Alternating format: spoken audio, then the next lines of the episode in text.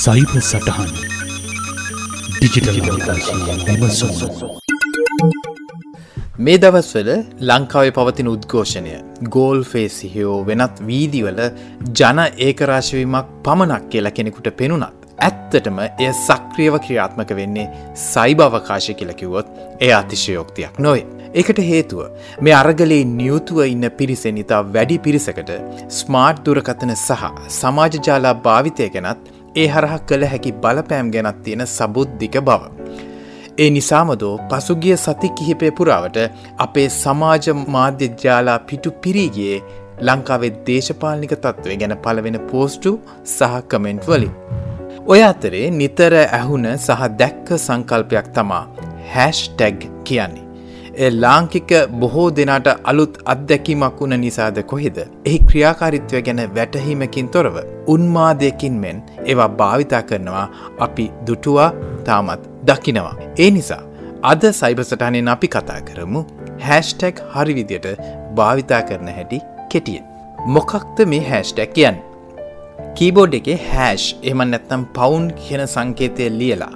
එකත් එක වචනයක් හෝ එක දිකට ලියන වාක්‍ය කොටස කලිකබල් ටැග් එකක් බවට පත්වෙනවා. ඒ කියන්නේ ඒ වචනය හෝ වාක්‍ය කොටස කලික් කළොත් එම හැස්ටැග් එකම තියෙන ඒ සමාජ මාධ්‍ය ජාලය තුළ තියෙන ඕනෑම පෝස්ටුවක් එක්ක එය ගොුණු ගත වෙනවා. ඒකැන ඔබ හැස්ටැග් එකක් එක යමක් පල කළහොත් ඔබේ සටහන වැඩි පිරිසකට සොයා ගැනීම පහසු වෙනවා.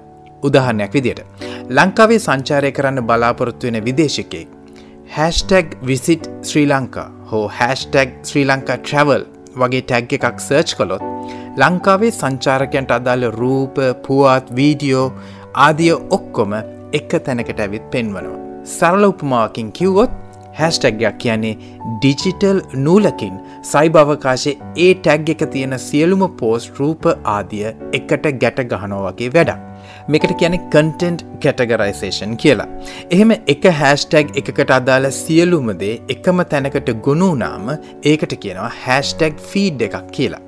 මේ නිසා හැස්ටැක් කියන සංකල්පේ එහි වැඩි පිරිසකට ළඟාවීමට තියෙන ශක්්‍යතාවය නිසාම ඩිජිටල් මාර්කටිං වල ඉතා ජනප්‍රියන්ගයක්. මේ වැඩිපුරම භාවිතාවෙන්වේ ටිට සමාජ ජාලි ඇත්තෙන්ම හැස්ටැක් කියන තාක්ෂණය උපති සිදුවෙන්නෙත් ටිටවල් පසුවය අනෙක් සමාජ ජාලාවලට පැතිරුණ.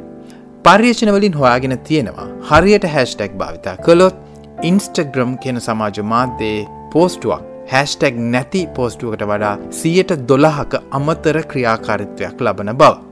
ඒ අතරිතා විශාල පිරිසක් ඒ හැස්ටැක් එකම භාවිතා කළොත් එය බොහෝ දෙනෙක් දකින ට්‍රෙන්ඩිං හැස්ටැක් ගැබ්බොට පත්වෙනවා. ඒ නිසා පුළුවන් හැමෝම හැම තැනකම තමන්ගේ හැස්ටැග් එක අලවාගෙන ගියානම් ඒ විශාල පිරිසක් අතට යවන්න පුළුවන් කියලා මේ ගැන සක්‍රිය බොහෝ දෙනා සිතා සිටින බවක් පේනවා. නමුත් සත්‍යය එනොවේ. හැස්ටැක් කියනදේ හරි අවබෝධෙන් තමා පාවිච්චි කරන්න ඕනි. එක්කම හැස්ටැග් එක හැම තැනම කමෙන්ට් විදියට කොපි පේස් කරන්න ඔබ දැක ඇති. සමහර එකම හැස්ටැග් එක විස්සතිය එකම පෝස්ට් එක ඇතුළත් කරලා අනෙක් අයටත්තේ අලුත් පෝස්ට් එකක් විදියට කොපි පේස් කොට එය ප්‍රචාරය කරනමින් ඉල්ලා සිටනවා. සමාජ මාධ්‍යල මේ වගේ ක්‍රියාකාරකම් හඳුන්වා ගන්නේ ස්පෑමිං විදියට. එවිට ඒවයි අභ්‍යන්තර ක්‍රියාකාරිත්වය විසින් මේ වගේ පෝස්ටුවල රේච් එක අඩු කරනවා. තවදුරටත් මේ වැඩේ වෙනවනම් ඒ අදාල ගිනුම් බ්ලොක් කිරීමකට පවාලක් වෙන්න පුළුවන්.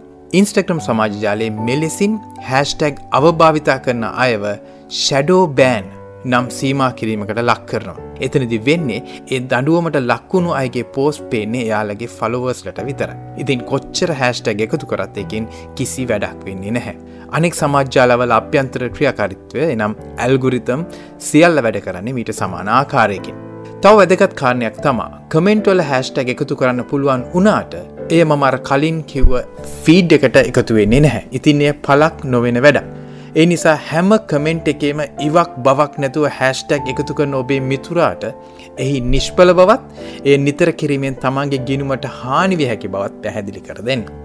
එසනම් කොහොමද නිවැරදිව හැස්ටැක් භාවිතා කරන්නේ. පර්යේෂණවලින් හොයාගෙන තියෙනවා වඩාත්ම ප්‍රතිඵලදායක උපරිමව හැස්ටැක් දෙකක් හෝ තුනක් එකතු කිරීම.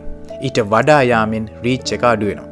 එලෙස එකතු කරන හැස්ටැක් තියෙන පෝස්ටුව පබ්ලික් විදියට ප්‍රයිවසි සෙටිං එකේ තබන්න ඕන. ඒ මිතුරන්ට පමණක් පේන විදියට නම් ඔබදාන්නේ ඔබ එකතු කරන හැස්ටෙක් සහිත පෝස්ටුව හැස්ටෙක් ෆීඩ් එකට යන්නේ නැහැ.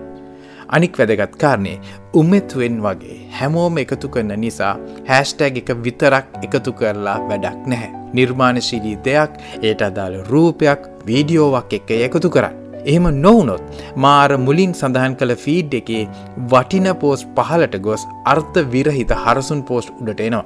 මේ ඉතා කෙටියෙන් වැදගත් කාරණක් කිහිපයක් පමණයි සඳහන් කළේ මේ ගැන අන්තර්ජාලයෙන් තව කරුණු අධ්‍යයනය කරන්නත් මම යෝජනා කරනවා. ඒ නිසා ඔබට පැහැදිලි ඇති මේ ගැන දැනුවත්ව මේ තාක්ෂණය භාවිතා නොකොළොත් අපිට වෙන්නේ හැස්ටැක් ෆෙල් වෙන්න. සයිබ සටහන පිටපත සාකතනය චම්පිරි අටගම සංස්කරණය සහ නිෂ්පාදනය උදය ගෝවින්න.